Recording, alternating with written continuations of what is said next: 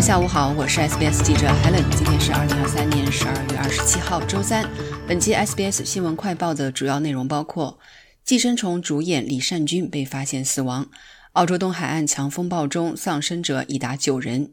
预计逾百万人将现场观看悉尼新年烟花；联合国任命一名为加沙提供援助的协调员。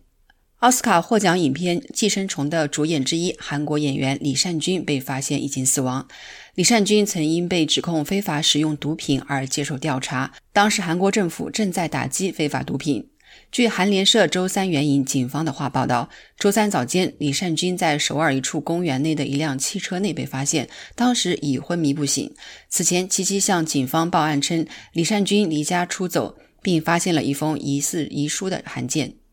韩国有严厉的禁毒法律，毒品犯罪通常会被处以至少六个月的监禁。对从犯和毒贩来说，刑期最长可达十四年。李善均生于一九七五年，曾在电影《寄生虫》中饰演富家父亲，还在二零一二年的惊悚片《无助》和二零一四年的《关于我妻子的一切》等韩国电影中担任主角。寻求危机支持的读者可以拨打一三一一一四联系生命热线，或一三零零六五九四六七联系自杀回拨服务，或一八零零五五幺八零零联系儿童帮助热线。此项服务针对二十五岁以下年轻人。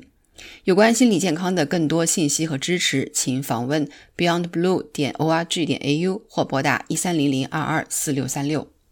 再来关注一下澳洲国内情况，在袭击东海岸的强风暴中，丧生的人数已经增加至九人，其中包括一名九岁女孩。据昆士兰州当局称，一辆载有十一人的船只在莫顿湾倾覆后，现已发现第三具尸体。在此次事故中死亡的三人中，一人已被确认为当地橄榄球运动员大卫·洛根，另一人已被确认为学校教师史蒂文·泰特。与此同时，社交媒体上充斥着人们所展示的昆士兰州部分地区遭遇强雷暴袭击的视频。气象局的乔纳森·豪告诉 ABC，恶劣天气还将继续。他说：“值得庆幸的是，今天我们预计不会看到大范围的雷暴活动，但整个东海岸依然有发生强雷暴的风险。因此，在昆士兰州，从新南威尔士州边境一直到圣灵群岛和热带地区，都有发生强雷暴的风险。”这其中也包括布里斯班和黄金海岸。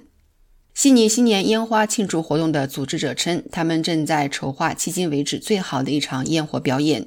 活动组织者表示，今年的重点将紧紧围绕原住民传统，并且在悉尼海港大桥的桥塔上将整晚投射人工智能制作的视觉动画，这在活动历史上尚属首次。预计悉尼港各观景点将有超过一百万人聚集，活动将于三十一日晚上九点左右拉开帷幕。再来关注一下中东局势问题。荷兰前副首相、中东问题专家西格利德·卡格被任命为联合国协调员，负责向饱受战争蹂躏的加沙提供人道主义援助。在联合国秘书长古特雷斯宣布这一任命之前，安理会于上周五通过了一项决议，要求尽快为加沙任命一名高级人道主义和重建协调员。古特雷斯说：“卡格女士能说流利的阿拉伯语和其他五种语言。她在政治、人道主义和发展事务以及外交方面都拥有非常丰富的经验。预计她将于一月八号上任。”好了，感谢收听本期的 SBS 新闻快报，我是记者 Helen。欢迎您在苹果播客或 Spotify 搜索“新闻快报”，点击订阅，开启消息提醒，即可了解澳洲国内外新闻及社区信息。